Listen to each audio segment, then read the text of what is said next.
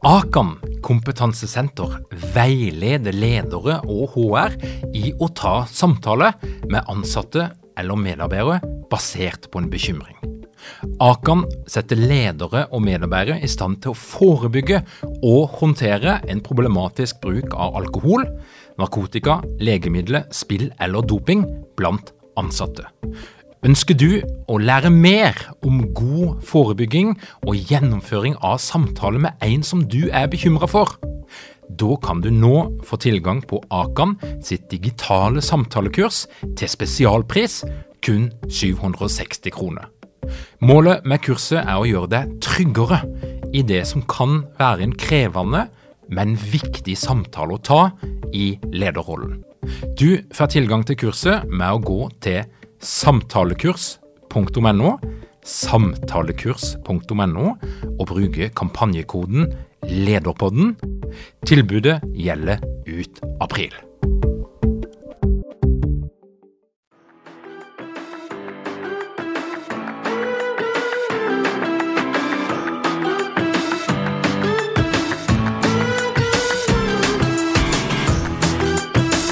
Velkommen til Lederpodden. Mitt navn er Tor Åge Eikerapen. Jeg jobber som organisasjonspsykolog, og dette her er en podkast om ledelse. Og der var ferien plutselig over. Jeg vet ikke åssen du har det med det, men jeg sliter litt med overgangen mellom ferie og full produktivitet. Jeg blir rett og slett litt urolig. Jeg er ikke helt, er ikke helt i gang. Sola skinner fremdeles og gir meg et hint om at det er mye bedre å være på sjøen enn på et kontor som får badstuetemperatur etter klokka tolv. I tillegg så er ikke skoleferien slutt, det er innkjøring på SFO, og skillet mellom jobb og privatliv er mildt sagt blurete. Det er tusen ting som jeg ønsker å få gjort og komme i gang med, men jeg vet ikke helt hvor jeg skal begynne. Og som du hører, jeg trenger hjelp. Jeg trenger hjelp til å fokusere og til å motivere meg sjøl, og for å komme i gang, opp i marsjfart. Og derfor har jeg kontakta mentaltrener Tim Rudi Weiteberg. Han skal hjelpe meg til å finne fokus, og vi skal snakke om vane som et hinder og mulighet for endring. Men først skal du få et par ord fra Ellen Holt, tidligere deltaker på lederprogrammet, som i dag jobber som leder i Sveko. Ellen, var det verdt det? Ja, det er skikkelig kult, faktisk. For den følelsen sitter jeg Det er så eh, tydelig for meg at det her angrer jeg ikke én krone på. Så jeg kjørte jo full pakke. Ambisiøs og personlighetstest og alle moduler. Og jeg har hatt så god nytte av det. Jeg jobber jo med mennesker, masse mennesker, for jeg jobber også parallelt i mange prosjekter og dealer mye med mellommenneskelige ting og tang. Så jeg har fått veldig mye av eh, lederprogrammet i form av konkrete verktøy. Og jeg satte også veldig pris på de breakout roomsene, hvor jeg fikk eh, på en måte kjørt meg litt da, i kleine situasjoner med andre. Hvor man også får For det første så får du brukt den kunnskapen du akkurat har fått tilegna deg i praksis med andre, og så får du tilbakemelding med en gang. Litt sånn Kan kanskje ordlegge deg annerledes, eller eh, hvordan, hva tenker du om hvordan mottakeren tok dette? det har vært så gull, for du har fått trent deg. Jeg har også tatt fram liksom kleine situasjoner som jeg ikke har villet snakke om. Og så har jeg tatt det da i breakout rooms og i læringsgruppe. Så jeg har virkelig lært uh, mye om det. Og for min del så handla det jo også om å få en litt sånn uh, å få en litt eh, kunnskapsgrunnvoll for eh, ledelsesfaget. Og jeg har fått nyvunnen respekt for at ledelse faktisk er et fag. At det er veldig mange ferdigheter som man kan lære seg. Og som vi har hørt også fram til nå, at det altså er veldig viktig å øve. Så jeg, jeg, har fått masse å øve på, og jeg får praktisert det med en gang. Det har vært så deilig. Velkommen til Lederpodden, Tim Rudi. Ah, tusen takk. Steike, for en forrykende introduksjon. Der var det mye energi. Altså, Bare den introduksjonen der tar oss jo rett inn i høsten med stormende fart. Det, det er sånne triks som jeg bruker av og til for å gire meg sjøl, og jeg kjente at faktisk at det hjalp litt. Ja, det gjorde det. Jeg så det. Der var det masse energi. Jeg, jeg fikk det, jeg òg, på andre siden av skjermene. Du, Tim Rudi, du har jobba som mentaltrener i Mind. Du er tilknyttet Norges Fotballforbund. Du driver i dag din egen virksomhet, der du hjelper ledere og organisasjoner med å nå mål. Og I tillegg så er du involvert i et ganske spennende app-prosjekt, blant annet sammen med Anja Hammerseng Edin. Stemmer det? Ja, stemmer. Men du, du, du, du, er jo en drivkraft. Kan, kan, du ikke si noe om det? Hva, hva, hva, er det som driver deg i det som du holder på med? Og vet, det spørsmålet der, det er faktisk ikke så lenge siden første gangen jeg fikk det. Sånn, hvorfor gjør du det du gjør? Og i hvert fall første gangen jeg reflekterte sånn ordentlig over det. Og den ene tingen det er at gjennom hele mitt liv, når jeg har lært noe, forstått noe eller mestret noe, så har jeg brent for å gi det videre. Det er akkurat som at hvis jeg har skjønt noe, så kan jeg ikke liksom dagen gå forbi uten at du får det av meg, sånn at du òg kan skjønne det jeg har skjønt. Og i litt mer ordnete former med det jeg gjør i dag, så handler det om å jobbe med mennesker, eh, være en bidragsyter. Det å nudge og påvirke, utfordre, for at de òg skal få lov til å skape altså, den hverdagen de ønsker, eller nå de målene de vil. Og så er eh, du, du lagt ut en sånn eh, veldig fin tekst på, på LinkedIn som jeg kjente meg godt igjen i, og det, det var når du fikk lånt et nøkkelkort på et Nav-kontor i tre dager i forbindelse med et oppdrag, så kjente du på det her gode følelsen av å være en del av noe som var større enn deg sjøl, og jobbe innenfor strukturerte rammer. Men så konkluderte du allikevel med at du skal jobbe for deg sjøl og, og, være din egen slave og din egen herre. Forklar litt. Hvordan kom du til den konklusjonen? Jeg tror det er et flerdelt svar på det. Det ene er, hvis jeg skal bli litt nerdete, da Det faglige perspektivet, det her med locus of control. Altså, det er meg som bestemmer. Det er meg som tar beslutningene. Det er meg som er ansvarlig for de valgene jeg gjør. Det har en enorm positiv påvirkning på meg. Hvis det er noen andre som tar en beslutning på noe jeg skal gjøre, eller en jeg skal være, eller ting jeg skal utføre, så får det negative konsekvenser. Da blir jeg mindre av meg sjøl og mindre som menneske. Og så må jeg si at jeg syns det er kjempedeilig å ansette meg sjøl hver morgen, men òg se meg sjøl i speilet på kveld og liksom se får du lov til å komme på jobb igjen i morgen. Uh, og, ja, og, så, og, så, står det vet du, i dag, i dag så er det faktisk ikke sikkert at du får en, en sekser på terningen. Ok, hva må jeg gjøre annerledes i morgen? Det, jeg, jeg trives veldig godt med det. Frihet og fleksibilitet. Det er godt å høre. Da kan det jo være at du kjenner litt på akkurat denne perioden, denne overgangen. Ferie til produktivitet. Det er en høst som er, er på gang.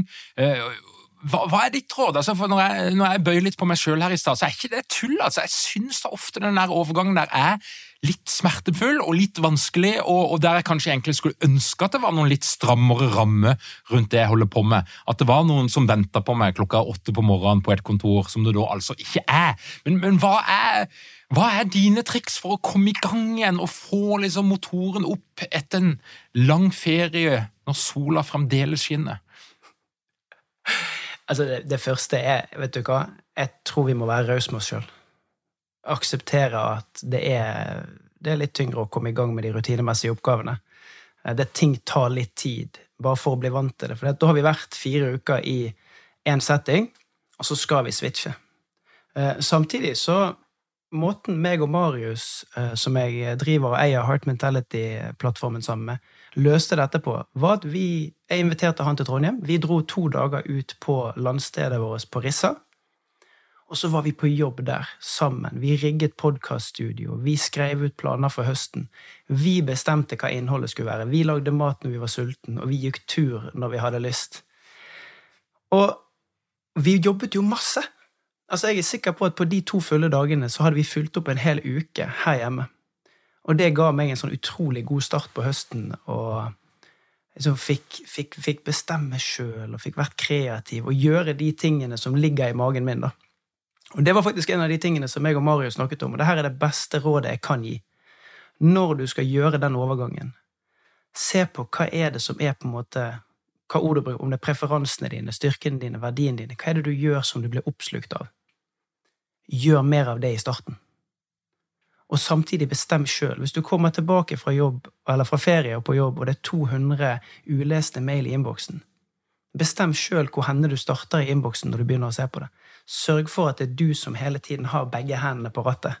Det er det absolutt viktigste. Det skal jeg ta til meg, og, og spesielt dette her med den der rausheten og liksom tål at den første uka så er du litt eh, treigere, det kjennes litt annerledes ut enn det det pleier å gjøre, og så plutselig så er det i gang igjen med alt det trøkket som det er bare egentlig, det er bare å nyte muligheten egentlig til å ta det litt rolig og tenke. Mm.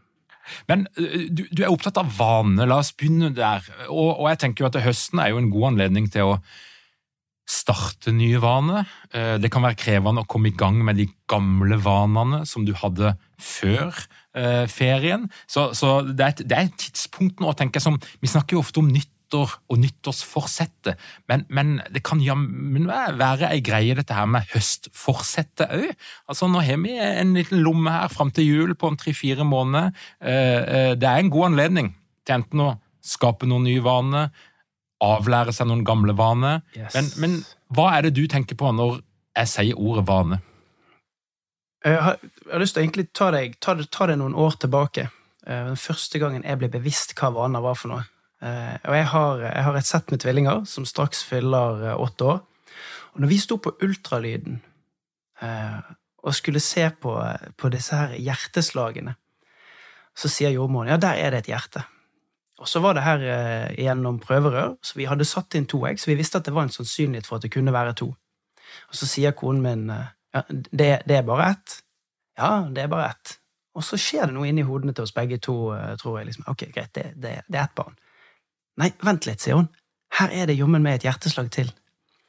Og i det øyeblikket så skjedde det 10 000 ting i hodet mitt, der jeg bare så meg sjøl utenifra, og alt jeg måtte endre. Og Et eksempel på det er at jeg er veldig glad i å være aktiv. Jeg er glad i å trene. Så uken etter vi hadde vært på ultralyd, så begynte jeg å trene på morgenen. Da gikk jeg på crossfit-trening klokken halv syv til halv åtte hver morgen, fordi at jeg visste når disse barna kom i september Hvis jeg skulle kunne være like aktiv, så måtte jeg gjøre det på et tidspunkt som jeg ikke vanligvis var vant til. Det som er viktig å understreke der, det her gjorde jeg 100 indre drevet. Jeg ante ikke hva vaner var. Det var ikke før jeg gikk i pappaperm med dem og begynte å lytte på lydbøker, at Charles Duhigg, som var første mannen som på en måte ga meg åpenbaringen i boken The Power of Habit, at jeg skjønte at oi, jeg har jo fulgt denne oppskriften som han da gir i hvordan etablere og skape en ny vane. Og så ble jeg kjempeinteressert, supernysgjerrig, og har brukt de siste seks-syv årene på å leite etter, liksom, for å forstå hvordan er det vaner påvirker oss i hverdagen. Og det er ganske massivt. Eh, for det første så tenker vi 40 000-60 000 tanker i døgnet, sånn cirka. 40% av alle valgene vi gjør hver eneste dag, det er forhåndsdefinert atferd fordi hjernen vår har tenkt ah, du, det var lurt. Eh, der sparte jeg litt energi, eller det var lettvint. Så det fortsetter vi å gjøre i morgen. Så vi er jo sånn uh, Hva er det de sier på engelsk? Predictor machines. Hva er det norske ordet for det? Uh, Et eller annet med forutsigbarhet. Uh, ja. ja. Sant? Og hjernen vår, hvis vi skulle tatt inn alle inntrykkene og alle valgene og alt vi gjør hver eneste dag, så hadde den blitt overloaded. Så den tar masse snarveier, og en av de tingene det er å etablere vaner. Og da ser han da, ok, men det her var jo greit, dette kjentes godt, føltes godt, fungerte godt, hva det måtte være, dette fortsetter jeg å gjøre. Og så er jo det som jeg syns er så spennende, er at de gode vanene, ja, men de går jo. Og så har vi mange ubevisste vaner som både kan være bra og dårlig. Og så har vi de dårlige vanene som dunker oss sjøl i pannen for at vi gjør åh, jeg skulle ikke gjøre det, jeg må slutte med det. Eller. Og det er jo der vi er. Vi som mennesker. Sant? Vi er vanemaskiner. Og det syns jeg er spennende. Um, mye fordi at i det her domenet som vi jobber når vi utvikler kanskje større organisasjoner eller større teams, så har jeg en påstand om at vi kanskje hopper over det mest grunnleggende i det. Og det er liksom hva er det jeg er nødt til å gjøre annerledes når jeg nå skal gjøre denne nye atferden, enten hjemme eller på arbeidsplassen. Og det syns jeg er interessant å, å, se nærmere på og diskutere mer. Mm. For når vi snakker om organisatorisk endring, så, så, er jo den litt sånn stereotype måten det skjer på, det er jo at det kommer noen eh, ganske heftige powerpoint slides opp på et allmøte. Eh, det er strategiske formuleringer, men det som ofte er litt vanskelig å få øye på, det er jo hva betyr dette for meg? Mm. Hva er det jeg skal gjøre annerledes, og, og på hvilken, hvilke verktøy, hvilke, hvilken hjelp får jeg til å gjøre noe annerledes? Hva, hva, er ditt inntrykk? Du er innom i masse ulike organisasjoner. Du jobber med idrettsutøvere, du jobber med ulike typer prestasjonsteam. Hva, hva, hva er din typiske, ditt inntrykk av hvordan endring skjer, og, og hvor oppmerksom en er på dette her? Jeg tror vi ikke er oppmerksom på det i det hele tatt. Uh, og jeg tror ikke vi tør å stille de spørsmålene, for i det øyeblikket vi stiller de spørsmålene, så tar alt så fryktelig mye lengre tid. Altså Bare, bare se for deg, jeg skal gjøre litt sånn enkelt, banalt eksempel. Hvis vi skulle nå byttet hånd som vi børster tennene med på morgenen, hvor mange dager hadde det vært ubehagelig før det ble en vane? Altså Det vet vi ikke. Sant? Men la oss si at det tar fire uker, da. Så begynte det på en måte å føles naturlig. Se for at vi skal implementere et nytt IT-system på arbeid så er det akkurat det samme som Jeg, jeg, har, jeg har, skrudd på PC-en, jeg har gått opp til høyre, jeg har trykket på knappen, jeg har gått inn i denne rullegardinsmenyen, og jeg har gjort det så mange ganger at det bruker ikke jeg energi på. Og så plutselig så kommer det et helt nytt program, helt nytt produkt, annen tekst, men så er det ingen som spør liksom, hva er det som er triggerne dine i forkant. Hvordan gjør vi dette her til en romslig, robust prosess der selv om det er vanskelig, så vet du at det blir bedre til slutt? Det er det jeg syns er interessant. Og hvis jeg får lov til å bare låne tiden til å forklare litt hvordan denne vanesirkel fungerer, da, så er det sånn at vi, vi, går hele tiden rundt og leter etter signaler. Og de signalene det er ofte triggere på en gitt atferd. Sånn, så når jeg sitter og ser noe som er kjedelig på TV, så er signalet 'jeg kjeder meg'. Umiddelbart ser telefonen oppe, og jeg scroller på Instagram. Når jeg er ferdig å scrolle på Instagram, så kjenner jeg meg tilfreds. Jeg er oppdatert jeg får en belønning for vanen, så legger jeg fra meg telefonen igjen. Altså sånn, signal, atferd, belønning. De tre tingene er ganske enkelt. Og de tre tingene er jo det vi ikke bruker tid på å utforske når vi skal gjøre disse endringene. Når du sitter på arbeidsplassen din og gjør disse tingene, hva er det som trigger deg til å begynne å gjøre det? Hva er det du gjør, og hvordan får du det til å føles godt?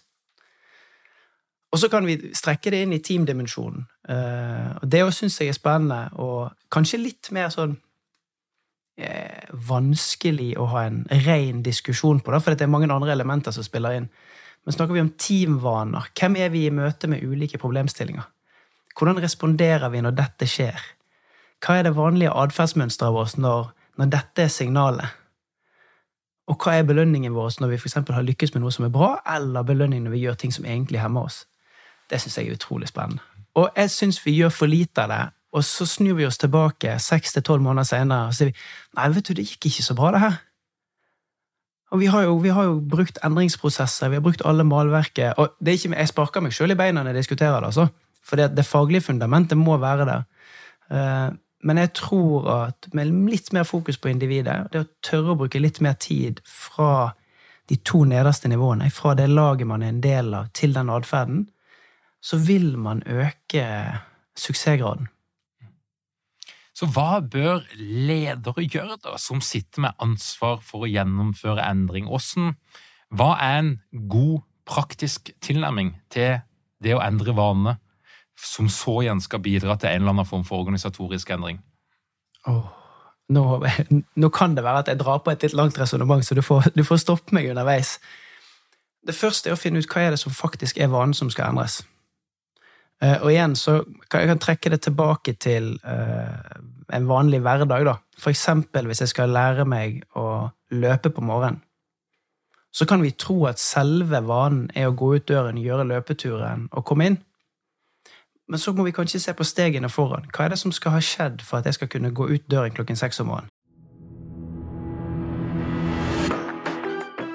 Har ikke mange ledere uten trening eller utdannelse innen ledelse?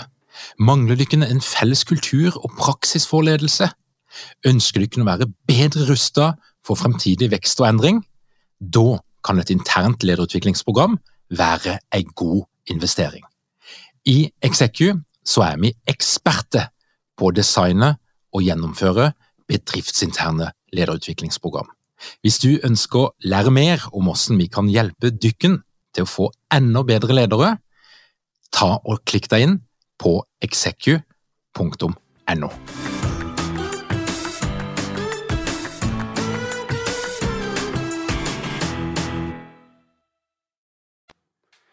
Jo, jeg må stå opp halv seks, for eksempel. Ja, hva er det som skal til for at jeg skal stå opp halv seks og fortsatt ha åtte timer med søvn? Jo, jeg må jo legge meg halv ti. Oi! Ja, men jeg legger jo ikke meg før kvart over elleve. Ok, hva er det som må skje for at du skal kunne legge deg halv ti? Og så ser du, Vi går lengre og lengre bak. og så ser vi at Den vanen som faktisk må endres, er at jeg rydder kjøkkenet, eh, pakker sekken til barna og gjør klar morgendagen klokken seks istedenfor klokken åtte. Og jeg er veldig glad i å se en time på, på TV før jeg legger meg, eller spille TV-spill, eller lese bok, eller sitte med partneren og prate. Ok, men da må det faktisk starte mellom åtte og halv ni. Så den vanen som vi skal endre, er mye tidligere dagen før den faktisk praktiske endringen som vi skal gjøre. Og det er et triks som jeg tror det er veldig mange som hopper over, men vi kan være tjent med å faktisk bruke tid på. Og Hvis vi da tenker en organisatorisk endring, så kan jo det være alt mulig. Altså I dag handler det om å ta i bruk digitale verktøy. Det kan handle om at vi skal skape en kultur som, der vi oppfører oss annerledes mot kundene våre, mot brukerne våre. Um, og, og Hvordan kan en sette dette her i system? For Én ting er jo på mitt eh, individuelle plan når jeg skal begynne å løpe tidligere på morgenen. Men når en skal få en organisasjon til å gjøre noe litt i takt, og det skal skaleres, og det, er, det er mange mennesker som skal gå litt i samme retning, hva er fellene å gå i da? Og det, jeg tror det viktigste å tenke på er at når det kommer til vaneendring, så er det ofte sånn at less is more. Altså den én prosentvise endringen du gjør hver dag, akkumulerer til et mye større resultat over tid enn om du gjør alt på en gang. Mm. Så det å gå en tur uh, Og jeg, jeg syns jeg må bruke altså trening, kosthold, mobiltelefon, søvn. Det er utrolig fine eksempler på vaneendringer. Uh, og så er det derfor jeg sier at det er litt vanskeligere å diskutere det i en organisasjonskontekst. Men la oss si at vi skal gjøre en endring, så er det nettopp det at skalerbarheten må brytes ned til enkeltindividet og deres 1 Så skal vi jobbe med en kultur, f.eks. vi skal øke tilbakemeldingskulturen i en virksomhet det er 250 medarbeidere, så har vi i en sånn type organisasjon masse ulike nivåer av grupper. Så la oss si at vi går ned på, på en av gruppene, og der er meg og deg medlemmer. Vi har vært på, på, trening og lært oss hvordan vi skal gi tilbakemeldinger, hvordan vi skal håndtere det som kommer imot. Og så har vi til og med blitt bevisstgjort hvordan vanene, hvor bevisst vi må være vanene. Så da må jeg se på hva er det som er triggeren min når, når Toråge, Når jeg skal gi tilbakemelding til Tor Åge, hva er det som skal gi meg det her signalet? Jo, det er for eksempel når du er ferdig, så ser du på meg og så sier du, hva tenker du? Ah, det er signalet. Og så sier jeg det jeg tenker, og tilbakemeldingen jeg har. Og så etterpå så sier du ah, jeg er enig i det du sier, samtidig som at Men det var, godt, det var, det var en fin måte å nyansere det på. Så gir du med belønning. Mm. Så inni den arenaen så har vi da tatt det inn i eh, the habit circle, da, denne vanesirkelen. Og til mer vi gjør det sammen, sant? til mer vane blir det. Så etter hvert og kanskje, Jeg sier ikke tre uker, seks uker, seks måneder, men om et to år så sitter vi og har et møte, så er du ferdig å prate, så bare ser du på meg. Så sier jeg ja, der er du spot on, og så er det to ting jeg har lyst til å legge til på det, det du sa der. Her er, det, her er det vi kan tenke annerledes om det. Så blir det automatisert. Og da vet jeg at det er trygt og godt å si det til deg, for det har vi øvd på så utrolig mange ganger. Hei, jeg heter Bård Fyhn. Jeg jobber på Norges handelshøyskole, der jeg forsker på psykologisk trygghet i teamarbeid. Min bakgrunn er fra Forsvaret, der jeg har eh, lang erfaring med å jobbe med praktisk ledelse og teamutvikling. Nå brenner jeg for å gjøre forskninga praktisk tilgjengelig, forståelig og anvendbar. Til høsten skal jeg delta på lederprogrammet. Det gleder jeg meg til, og jeg håper å se deg der.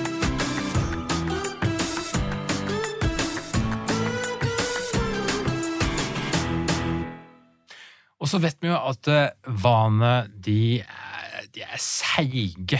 Og, og, en, og, en, sommerferie kan jo rett og slett ødelegge. Det er nok til å ødelegge et, et sett med gode vaner. Hva er, hva er, det som typisk kommer i veien når folk da prøver å etablere nye eh, vaner, enten på jobb eller privat? Hva, hva, er som, hva, er det som, ødelegger det for oss, bortsett fra at vi ofte prøver å endre altfor mange ting på en gang og gjøre det for komplisert? Jeg tror det er akkurat det. Jeg tror du svarte på det sjøl der, altså. Gjør det enkelt. Uh, Og så er det sånn, når vi, når vi har, Hvis vi tar ferie fra vanene våre, så er jo de av i en periode, så de krever jo at vi faktisk setter fokus på det. Uh, Jeg har, uh, For min del, nå når ferien var ferdig, så har jeg et prosjekt der jeg har lyst til å se på hvordan kosthold påvirker energinivået mitt. Så jeg er veldig bevisst på mengden proteiner jeg spiser gjennom en dag. Det var et cue for meg når jeg kom tilbake til hverdagen. Det var å begynne å se på proteinmengden min hver dag. Det tok meg inn i et spor som gjorde at da var jeg også bevisst på renheten i maten. Jeg var bevisst på å drikke mer vann istedenfor brus. Eh, Når jeg var sulten, så spiste jeg kanskje litt sunnere. Og det tar oss inn til det som vi kaller for altså, keystone habits, eller hjørnesteinsvaner, eller dominovaner. Hvis du, er, hvis du er modig nok til å velge ut én ting, så kan den ha stor påvirkning på resten. Så når først den ene tingen kommer på plass, så vil det dryppe over på det andre. Jo, for i og med at jeg må vite hva jeg spiser av proteiner, så må jeg planlegge. Så når jeg planlegger, så må jeg se inn i morgenen. Hvor skal jeg være? Hvem skal jeg være sammen med? Hva tilgang har jeg til mat? Og så baller det på seg. Og, og, og den type eh, keystone habits altså Jeg, jeg vet, jeg snakka tidligere om ei som heter Cecilie Tunem Sonum, og vi snakka litt om at eh, sånn som verden er i dag, så vil du aldri få den perfekte balansen i livet mellom familie, jobb og alt det andre du skal, du skal gjøre. Det sosiale, fritidsaktiviteter. Det er en utopi. Men hvis du har noen gode sånne kjernevaner som du er eh, nesten helt rigid i forhold til, så kan det gi deg en grunnmur som gjør at du tåler å være fleksibel, du tåler å være ute av balanse i en periode, og så greier du å ta deg inn igjen. Ja. Og Dette her høres ut som du har tatt det ganske langt når det gjelder de her proteinene, men hva kan andre typer sånne kjernevaner være? Det gjør det så lite som mulig. Jeg er utrolig glad i tominuttsregelen. Og i tominuttsregelen så handler det om å gjøre den vanen du skal gjøre i to minutter, og så avslutte.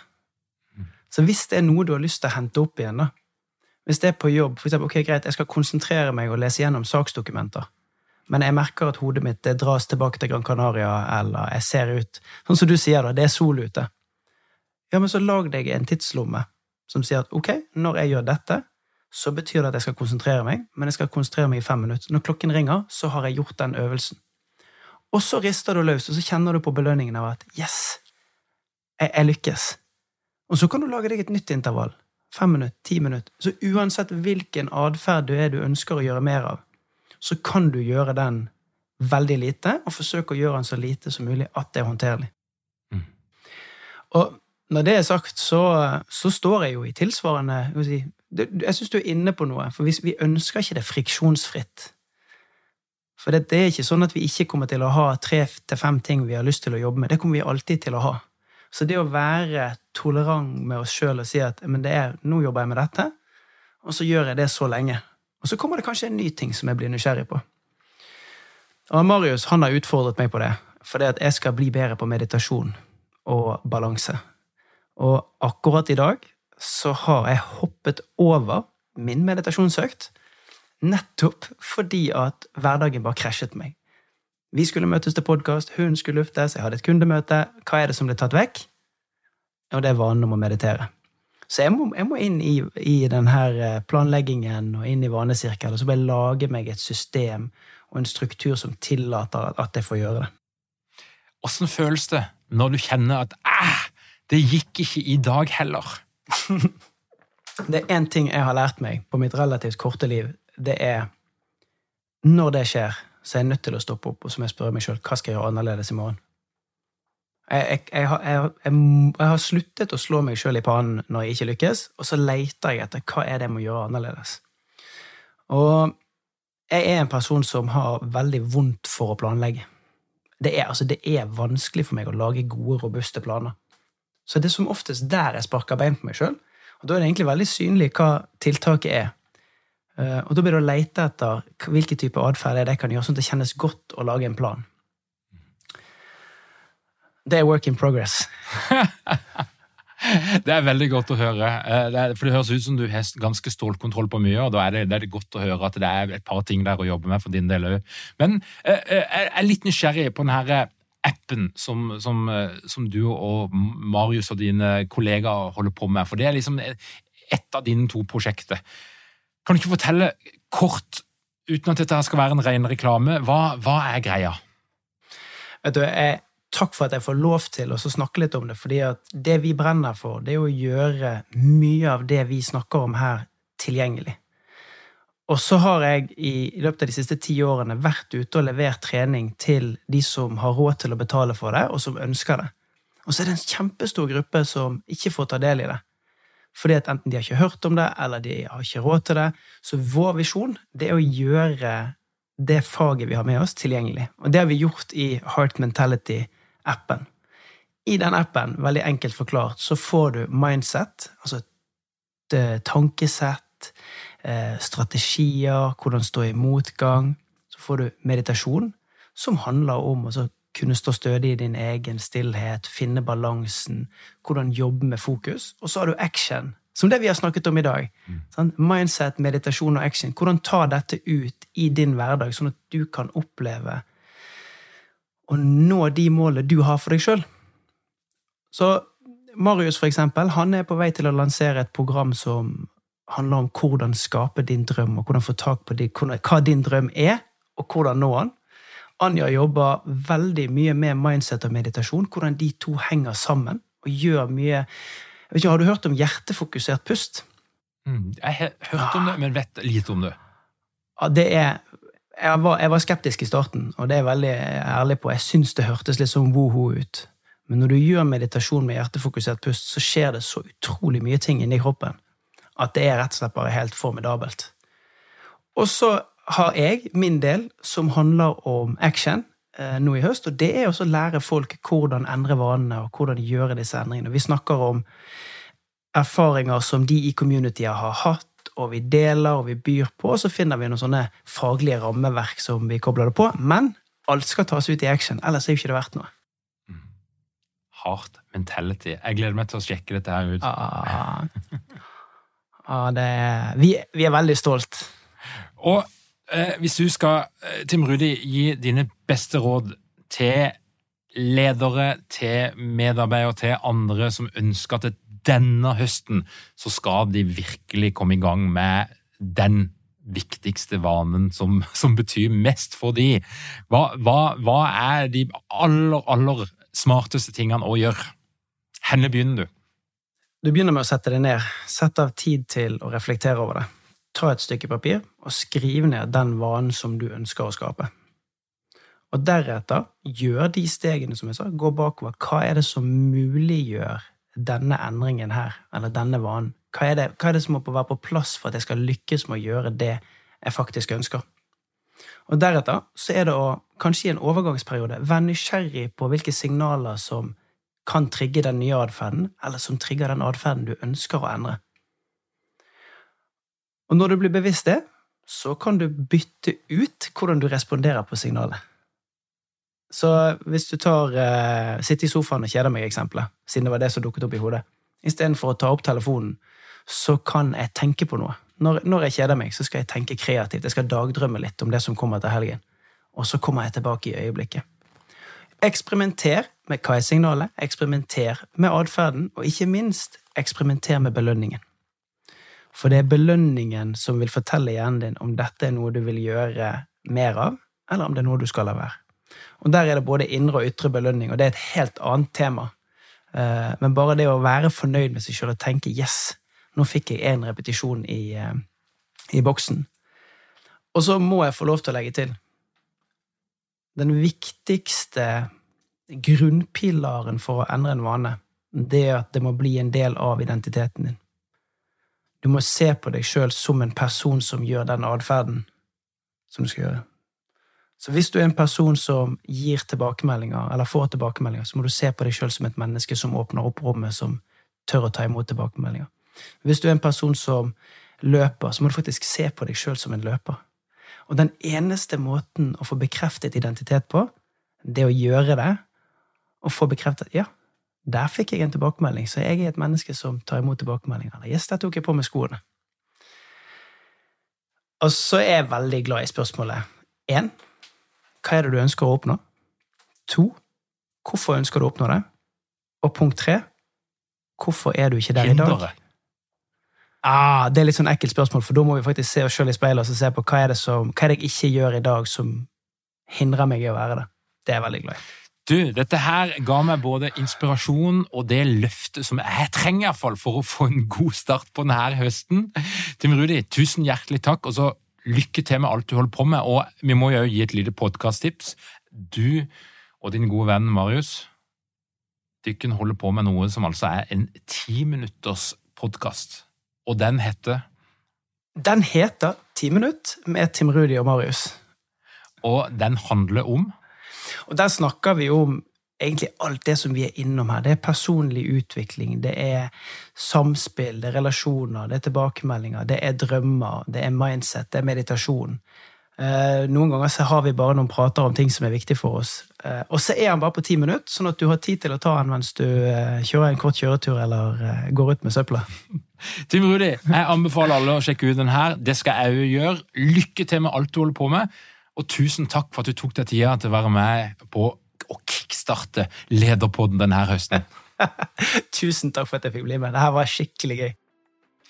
Hvis du ønsker å holde deg oppdatert på alt vi driver på med i vårt lederunivers, ja, da gjenger du inn på lederpodden.no.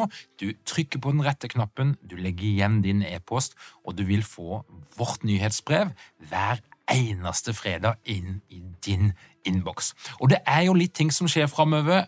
Lederprogrammet starter opp 20. september.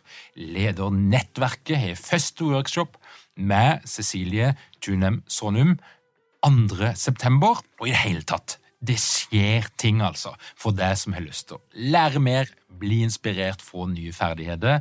Heng med oss, så, så vet du hva som skjer.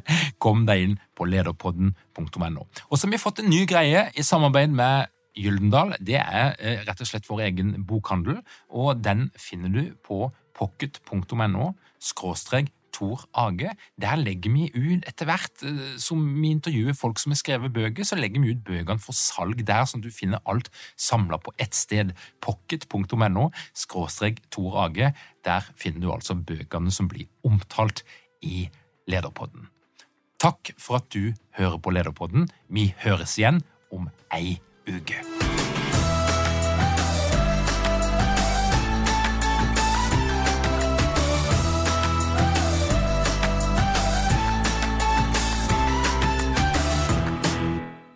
Lederpodden er gitt til deg av Execu. Vi tilbyr leder- og ledergruppeutvikling som gir effekt. Les mer på execu.no.